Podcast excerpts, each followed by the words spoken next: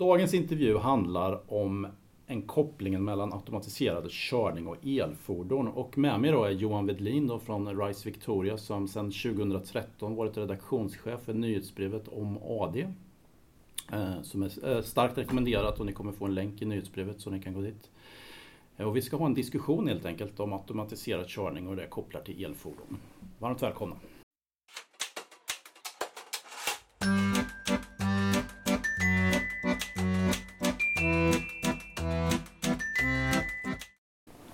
Johan, du som har bevakat automatiserad körning ett tag. Eh, vad är det viktigaste vi bör veta egentligen om automatiserad körning? Det finns väl flera saker man bör veta. Eh, en sak att det är ju inte en sak. eh, utan det är en stor variation om det är persontransporter vi pratar om, om det är godstransporter eller om det är arbetsmaskiner. Ehm, och jag tror att det är väldigt mycket av det som har synts i media har varit om eh, persontransporter. Men det kanske händer egentligen mer på andra områden. Ehm, så det är väl en sak. En annan sak är väl att eh, väldigt länge har det varit mycket teknikdrivet. Ehm, alltså man har hittat ett nytt teknikområde och många företag och stora företag och uppstickare har liksom gett sig in i det här som ett, ett, eh, ett nytt häftigt område vad kan man göra egentligen med det här? Eh, nu har man ju gått några år och nu börjar man se, okej okay, vi har hållit på, eh, hur långt har vi kommit och vem är det egentligen som kan vilja betala för det här? Vi, vi kan ju inte hålla på liksom och bara utveckla teknik utan ett behov någonstans. Och eh, det är väl där man står just nu och många undrar vad är, vad är egentligen affärsmodellen? Om vi fokuserar lite på Sverige då. Det är ändå mm. lite, du skriver ju för svenska forskare och det gör vi också huvudsakligen. Eller forskare, men en svensk publik i alla fall. Och då är det ju, eh, vad är det inom automatiserad körning som kommer påverka Sverige på riktigt inom de fem till tio åren? Om man lämnar den här hype-stadiet och att mm. det bara är teknikkul liksom. Som kanske får riktiga tillämpningar och så. Ja, och då är jag tillbaka till det där. Jag tror att det är skillnad. Eh, Sverige är ju bra på eh, tunga fordon och arbetsmaskiner. Vi har ju eh, Epiroc och Atlas Copco och Volvo och Scania och, eh, och eh, säkert har jag glömt någon också som ja, vi har Einride till exempel. Ja. Och eh, där är ju alltså, det är ju en, en svensk styrkeområde inom de här de tillämpningsområdena och där finns det en, en helt annan typ av möjlighet att tjäna pengar på det. Man kan spara pengar genom att och man kan spara, man kan låta maskinerna gå 24 eh, timmar om dygnet i farliga miljöer där man inte vill ha människor. Eh, så här plötsligt kan det finnas en, en möjlighet att, eh, att hitta en besparing och hitta en lönsamhet i att gå över till automatisering. Och där gäller det att Sverige fortsätter att vara aktiva med de aktörer, både stora och små, som nu finns. Men det andra området då, det som är det mest beskrivna, det är alltså robottaxi. Mm. Waymo är ju känt. Eh, kanske Waymo är Googles. Det är Googles eh, avknoppade bolag, förlåt, just det. Eh, det är mest känt. Men även de har ju gått långsammare fram än de trodde. Och där är inte Sverige riktigt lika långt komna. Det finns ju andra områden som såna leveransrobotar, alltså små mm. självgående fordon som långsamt går på trottoarer och levererar eh, e-handelspaket eller pizzor eller vad det kan vara hem. Och där har inte heller, det finns väldigt mycket sånt i världen men jag har sett i stort sett ingenting inom Sverige. Ja, så där finns ju en risk att snarare att Sverige hamnar på efterkälken. Mm. Jag förstår den här fokusen på tunga sidan då som du pratar om och de här liksom mer nyttofordonen. Vad är det som kommer hända? Vad kommer vi se liksom inom de närmsta 5-10 åren på riktigt? Svårt att säga, speciellt om framtiden.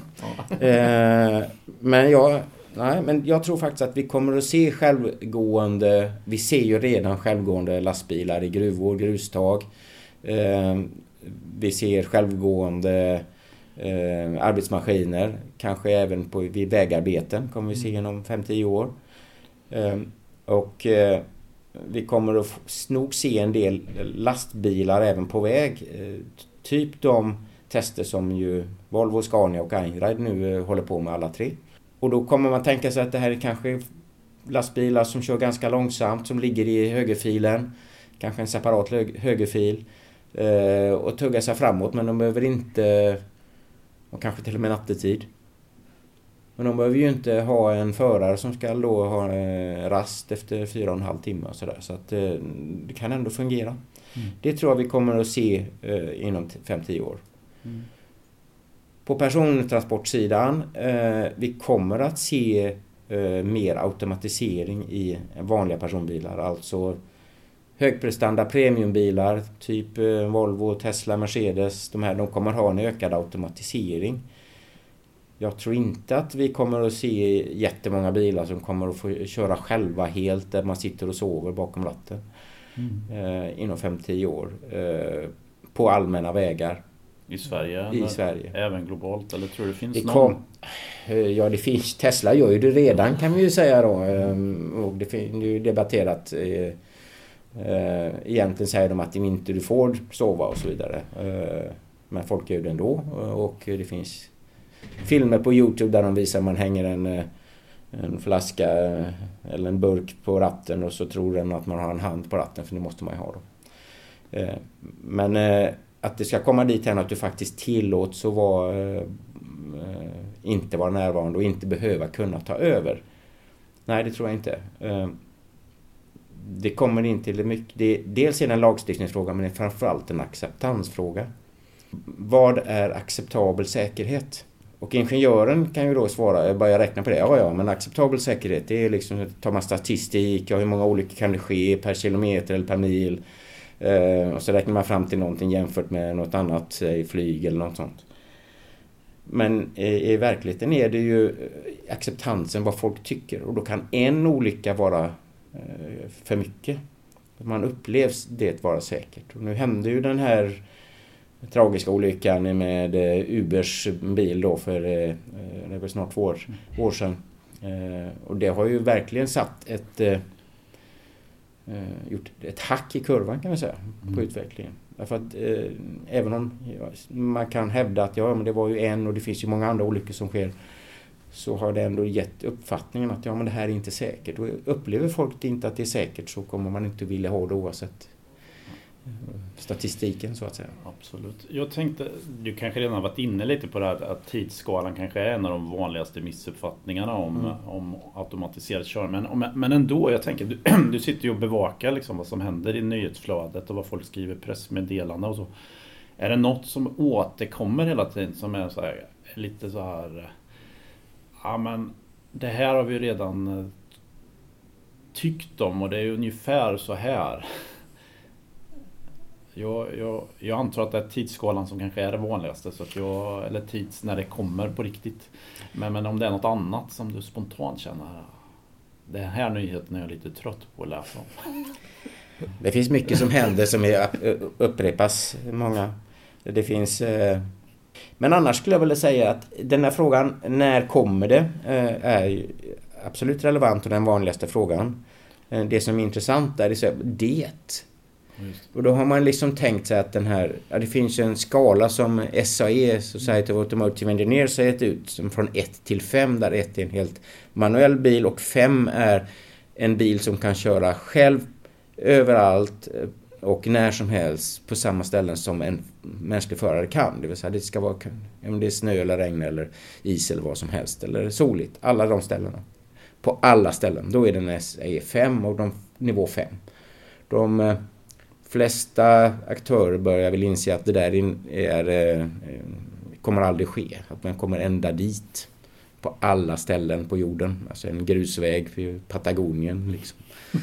Eh, men eh, det som är lurigt här är väl att man omsätter ofta SAE-skalan till en tidsskala. Därför liksom man förväntar sig att ja, efter SAE 1 så kommer det finnas SAE 2 och sen efter SAE 2 kommer det finnas SAE 3. Och det bästa är, nirvana är uppnådd när vi når SAE 5. Mm. Det vill säga det bästa är när allting är fullt automatiserat. Mm. Och det tror ju inte jag. Jag tror att det varierar. Ja, för en arbetsmaskin i ett grustag så är det säkert, det är ju för SAE 5 för det är ju bara en väldigt begränsat mm. ställe. Där är det säkert eh, så hög automatisering som möjligt, det är jättebra. Det är en farlig miljö för människor och man kan få ökad produktivitet. Eh, för en buss eh, som kör in i Brunnsparken i Göteborg mm, så kanske det inte är den optimala att försöka köra där utan det kanske är en, en något lägre nivå. Eh, och då kan man jämföra med flyget och piloterna. Piloterna finns ju fortfarande kvar i flygplanen. Eh, och så vitt jag vet ingen som har tänkt på att ta bort dem. Däremot så har de allt mer ökat eh, stöd för att kunna hantera sin situation. Ibland har de här stöden, automatiseringsstöden även i flyget ställt till det som ju de här Boeing-olyckorna som ett sådant exempel. Där man in, piloterna skälptes istället för hjälptes. Mm. Det finns ytterligare sådana exempel. Mm. Men som sagt att SAE-skalan är inte en tidsskala. Det behöver inte vara så att det alltid måste gå framåt utan det kanske stannar någonstans. Mm. Är det på nivån 2? Ja, i vissa fall. Är det på nivå 4? Ja, i andra fall. Jag är ju lite nyfiken på den här frågan. Alltså det finns ju de som sitter högre upp i systemet, politiker och myndighetschefer och så. Hur, vad, I det bemärkelsen att du bevakar den här utvecklingen, vad är det för typ av Eh, vad borde de förstå lite för att ta bra beslut liksom, i relation till teknikutveckling just nu? De behöver väl ha två saker tycker jag. De behöver förstå vart de vill. Det är alltid bra. Eh, det vill säga, vilket syfte har man med att eh, införa självkörande automatiserade fordon? Handlar det om att öka trafiksäkerheten? Eh, handlar det om att öka transporteffektiviteten och minska trängsel på gator och vägar? Handlar det om att man ska minska energiförbrukningen och eh, fossilberoendet? Eller är det kanske helt enkelt industripolitik? Vi ska stärka, stärka våra tillverkare, vår industri. Och jag tror att man är inte riktigt klar på vad är det huvudsakliga syftet. Därför att problemet är att eh, om man in, effekterna av automatiserade fordon behöver inte vara positiva i alla de här aspekterna. Det finns ju studier som säger till exempel att ja, trängseln kanske ökar. Och det skulle då bero på att eh, eh, om människor upplever att jag inte behöver köra själv, ja då kan jag ju sitta längre i tiden i, i bilen för jag kan använda det till något produktivt som att jobba eller någonting annat. Jag kan också kanske, jag kanske tycker att det, eftersom det tiden är, är bättre så kanske jag kan bosätta längre bort så att samhället, städerna breder ut sig mer. Och då blir det längre transporter. Eh, och de längre transporterna kan kosta mer energi. Eh, och i bilarna då eh, fossildrivna så blir det ju inte heller bra i det perspektivet. Eh, det vill säga effekten, den andra frågan, vilka, vilka är effekterna av att föra in automatiserad körning? Ibland har jag fått intrycket att många samhällsföreträdare liksom förutsätter att det alltid blir bättre. Och det kan det bli, men inte helt utan styrning. Så därför tror jag man, man bör ha en vision av vilket samhälle vill man uppnå och eh, sen se till att de negativa effekterna av automatiserad undviks så att de positiva blir av då. Alla framtidsprognoser slår ju inte in. Eh, eh man brukar säga, prata om de som eh, som blev snabbare än man trodde, typ eh, internet i en fluga och sådär. Men det finns ju de som har sagt att ja, 1955 trodde man att det snart kommer den eh, atomdrivna dammsugaren och den har inte hänt ännu. Eller Bill Gates som 94 tror jag det var så att eh, om ett par år så har vi löst problemet med spam. Så att ibland går det långsammare också. Det är det jag vill säga. Det är lite, segrarna skriver ju historien lite och det är lite så här att alla tekniker som vi använder kollar man oj vad fort det gick eller så här, men eh, de här som inte gick så fort eller som eh, ändrades och sen eh, om vi nu ändå är inne på detta så finns det också en liten missförstånd att teknik ändras också. Så vad vi tyckte var en mobiltelefon för ett tag sedan är inte riktigt samma produkt längre. Den har faktiskt utvecklats i ganska många riktningar och teknik är liksom blir ju, den förändras ju också så det är inte samma artefakt som liksom flyttas i tiden. Så, så jag, det finns mycket att säga om detta. Men uh, nu skulle jag intervjua dig, inte tjata själv. men jag tänkte... Vi kanske ska byta dig. Jag kan intervjua dig istället. Men jag tänkte, om vi går tillbaks lite till, om EV handlar om elfordon och du har jobbat ganska mycket med elfordon i många projekt också. Och du har jobbat i fordonsindustrin länge. Och hur ser du på kopplingen mellan automatiserad körning och elfordon? Vilka är de och eh, spelar det någon roll att, det kanske, att båda sker eh, samtidigt? Hur, liksom, vilken typ av koppling finns det? Eh, ja, eh, tekniskt så handlar det om laddning.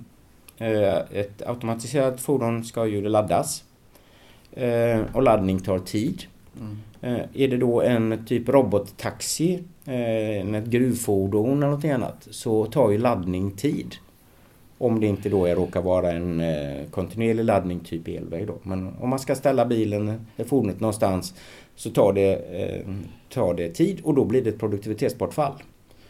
Så för några år sedan så när sa, tror det var Ford som sa att ja i våra självkörande eh, taxibilar i framtiden så kan de inte vara elektriska därför att det tar för mycket tid, eh, ett bortfall att eh, ladda så de kommer att vara fossildrivna. Då blir man ju snarast lite orolig för en stor mängd självkörande fossildrivna bilar som kör in till städerna.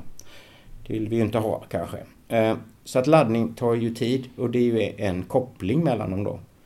På samma sätt så måste ju ett fordon som är helt autonomt, om vi återigen tänker oss en till exempel en robottaxi då, alltså en självkörande taxi som kommer och hämtar upp dig någonstans och sen släpper av dig och kör vidare till nästa kund eller till någon plats. Om den nu ska då köra vidare till en laddplats så måste du ju, ska det helst inte behöva vara någon där då, utan ska du kunna ladda själv. Och det kan ju då ske eh, induktiv laddning eller det kan vara konduktiv eh, laddning. Eh, det vill säga att man antingen kopplar upp sig med en, någon slags av maskin eller att det finns en trådlös laddning.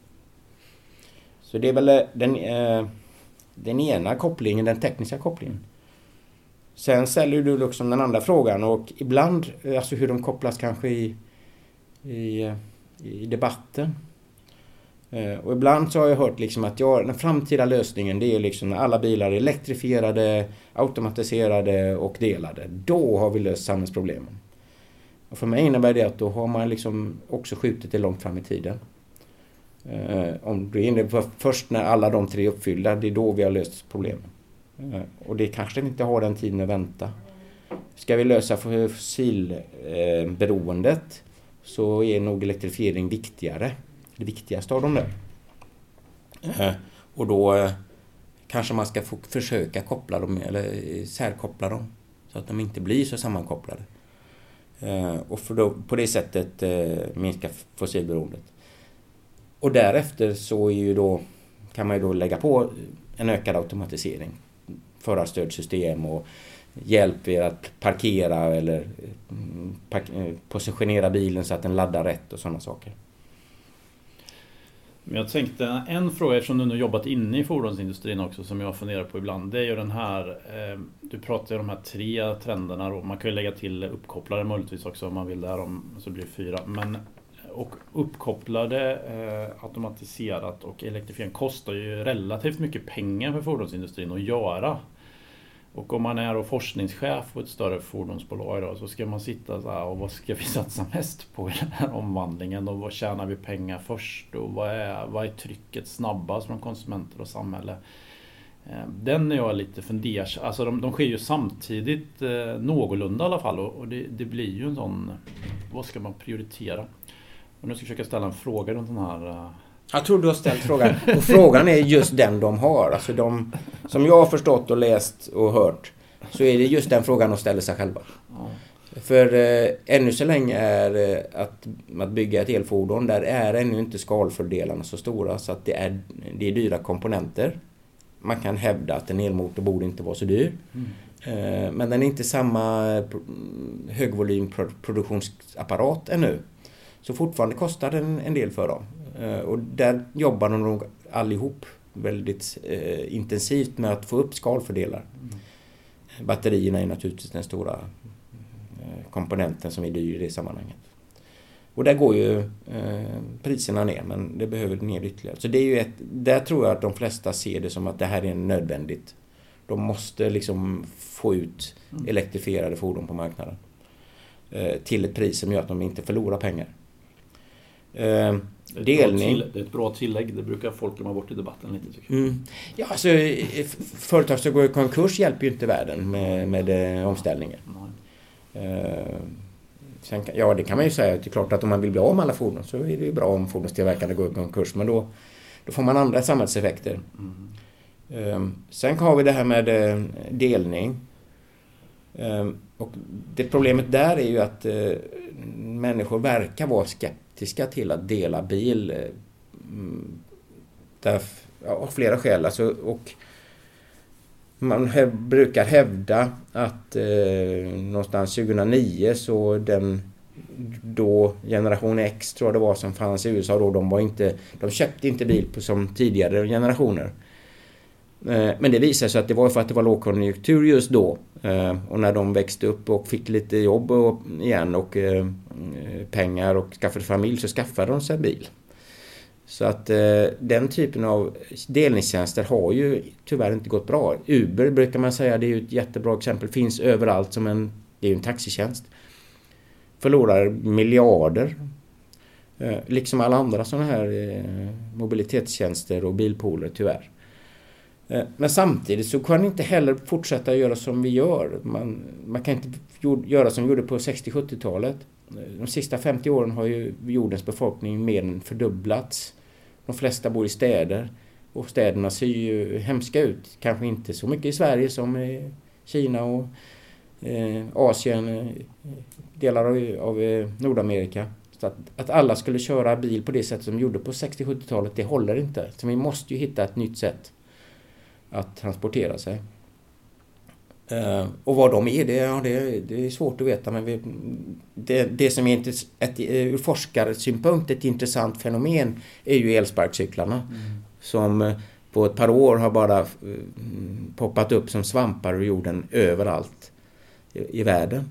Uh, inte planerade egentligen utan de har bara dykt upp Eh, Eh, och blivit populära. Man kan tycka vad man vill om dem, om de är säkra eller inte, om de eh, slår ut eh, kollektivtrafik eller inte, om de är nytta för samhället. Men de är populära. Och eftersom de är, har slagit igenom så stort på marknaden så gissar jag att de i alla fall inte förlorar enorma pengar. Det är inte bara en aktör också utan många aktörer. Så det kanske är så att vi plötsligt kommer att se nya typer av, eh, av fordon för att lösa, eh, slippa så, sitta i trängsel. Ja, det har ju lite att göra med vårt jobb det här. Eller du har jobbat eh, som redaktionschef eh, om AD och jag för om EV.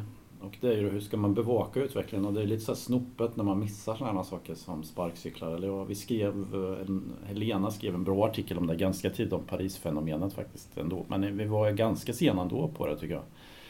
Det är inte så lätt att göra bevakning, så vad, vad, tänker du dina lärdomar när du har jobbat med det några år? Hur ska man göra för att skriva relevanta grejer som får påverkan? Ja, man får ju vara eh, bred i sitt sökande. Eh, att, och sen får man ju göra ett urval då eh, av, av nyheter. Och det är ju det som både du och jag har gjort som och gör, har gjort som redaktionschef att man gör ett urval av det som verkar vara intressant. Och ibland gör man rätt och ibland gör man fel. Mm. Sen tror jag det är bra om man blir... Eh, alltså urvalet gör man ju också efter vad man tror är intressant att läsa om. Blir man inte läst så spelar det inte så stor roll. Men nej, hur hittar man, eh, hur hittar man rätt artiklar, rätt, rätt trender? Man får söka på många ställen och man kan inte vara beroende av en kanal. Eh, vi har själva diskuterat i vår redaktionsgrupp, hur gör vi då? Det är ju min efterträdare Asra Habibovic som har gjort det mesta av sökandet. Hon är ju själv forskare i ämnet och, men hon har ingen, inte en kanal som hon går in på utan det är massor av kanaler och massor av kontakter i sitt forskarnätverk och, eh, som folk som kommer med tips och sådär. Så att, eh, och sen vi andra i redaktionen bidrar också ibland med tips där vi hittar någon, mm. någonting. Det är inte ett ställe. Nej, så är det ju. Och sen så tycker jag det är väldigt viktigt där du säger, det sorgliga med det här jobbet är ju att man inte får skriva om ganska mycket för man måste göra ett urval. Alltså jag, man är ju liksom ledsen varje dag att man inte får skriva om en nyhet. Men man kan ju inte, man hinner ju inte. Plus att läsaren förväntar sig att få liksom någon nyhet lite mer bevakad. Eller så. Ja, framförallt i det här formatet som ju vi har. Att det ska komma på morgonen och man ska hinna läsa det på bussen eller mm. eh, på väg till jobbet. Eh, och det får inte vara för långt och inte för tungt. Så att man får ju... Det gör ju också att man måste välja ut. Precis. Jag eh, tänkte om vi om du ska ge lite rekommendationer till oss då. Nu ska du gå i pension efter en lång och trogen tjänst i svensk eh, fordonsindustri och eh, offentliga. Om du skulle ge lite råd till oss då som är lite, kommer efter tänkte jag säga. Vad borde vi göra inom automatiserad körning och elfordon i Sverige med din... Vad är liksom de viktiga frågorna? Eh, ja, då, då, får vi gå tillbaka till vad vi vill. Men om vi vill då stärka svensk industri eh, så får man ju se vad, vad har vi chans att eh, gå framåt. Eh, en del är ju den här som är den som sker. Det är ju den tunga industrin som vi pratade om inledningsvis. Eh, men du nämnde också uppkoppling. Eh, och en, vi vet redan att eh, förarstödssystem mm, det räddar liv. Och om man vill nyttja en svensk styrka som är säkerhet eh, så eh, gäller det nog att eh, satsa på att rädda liv idag och inte eventuellt om tio år. Och då är den här typen av automatisering men inte självkörning så att säga, utan förarstödssystem som vi kallar det. Ihop med uppkoppling så att man får en informationsflöde mellan eh, fordon och infrastruktur eh, på ett bra sätt eh, som kan vara attraktivt för användaren också. Ehm, där tror jag att Sverige skulle kunna gå före. Ehm, det finns ett, ett, problematik inom det här med uppkopplade fordon att de flesta aktörer vill hålla i ekosystemet själva. Eh, Audi-bilar ska kunna kommunicera med Audi-bilar, möjligen med andra Volkswagen-gruppen och Volvo-bilar med Volvo-bilar, Mercedes med inom Daimler-gruppen. Plus att det finns ett antal då, ekosystemaktörer som telekomindustrin då som ser det på sitt sätt och vill kunna gå på tvärsen. Men det finns ingen riktig standard vilket gör att eh, det blir svårare att få det att slå igenom för det är ju först när alla kan kommunicera med alla som man får den stora nyttan. Eh, och där skulle kanske Sverige och svenskt samhälle kunna försöka gå, gå ihop på något sätt. Eh, om jag har förstått det rätt så i Japan är man duktig på att samverka på den typen av sätt. Man jobbar alla ihop mot det gemensamma målet. Mm. Eh, och där tror jag att Sverige skulle kunna hjälpa till och gå före och visa så här ska, kan vi få ett, ett trafiksystem som är säkert och effektivt och energisnålt. Mm. Men om vi tänker elfordon då, det var ju mer på automatiserad körning. Är det något som du tänker där som det här är någon svensk styrkegren eller något som vi borde fokusera lite mer på? En fråga du inte hade förberett mig på. Visst är det kul? um, kanske inte har något? Jo, alltså det finns ju utmaningarna inom, elekt in, utmaningar inom elektrifierade fordon är ju eh, kostnadsläget och eh, räckvidden. Mm. I varje fall som upplevt det av eh, de presumtiva eh, bilköparna. Så.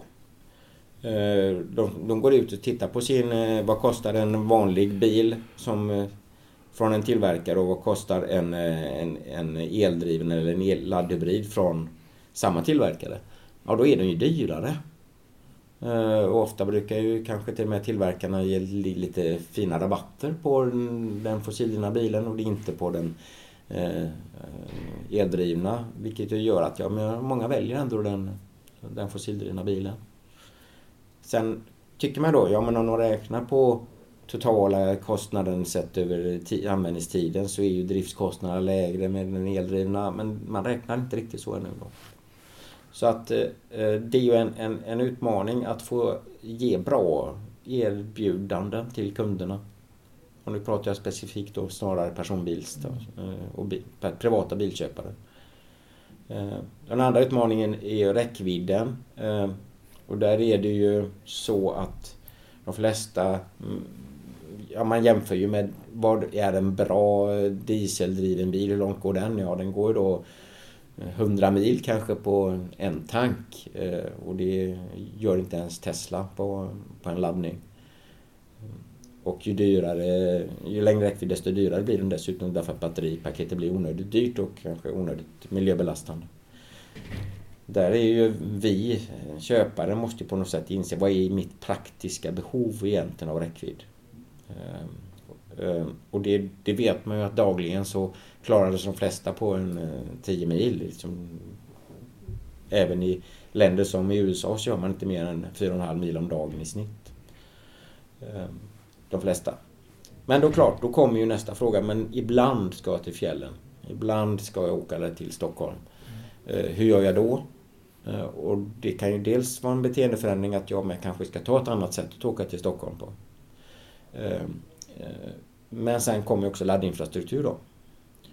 Och tillräcklig räckvidd ändå så att jag inte behöver stanna var sex gånger för att ta mig till fjällen. Och fika en timme varenda gång.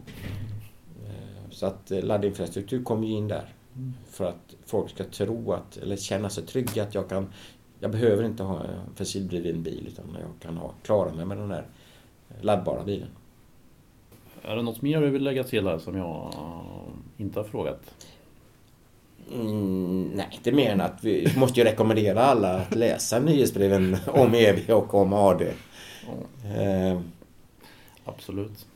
Men andra kanaler också. Alltså lita inte bara på en kanal. Så är det. Vi gör ett urval mm. och vi skriver med en viss personlig touch. Mm. Så att det är alltid bra att välja sina, några flera kanaler än en. Men tack så mycket Johan att du var med. Mm. Och lycka till nu med... Det framtida. Ja, det framtida. Ja. För ni andra stannar ju kvar. Nej, alla går vi mot framtiden. Ja, alla går vi mot framtiden. Ja, precis. Jag känner att jag går mer och mer mot dåtid faktiskt. Eh, men ni har lyssnat på ett eh, en poddavsnitt från Nyhetsbrevet om EV som är finansierat av Energimyndigheten och värdar Swedish Electromobility Center. Ha en riktigt fin jul så syns vi på 20-talet.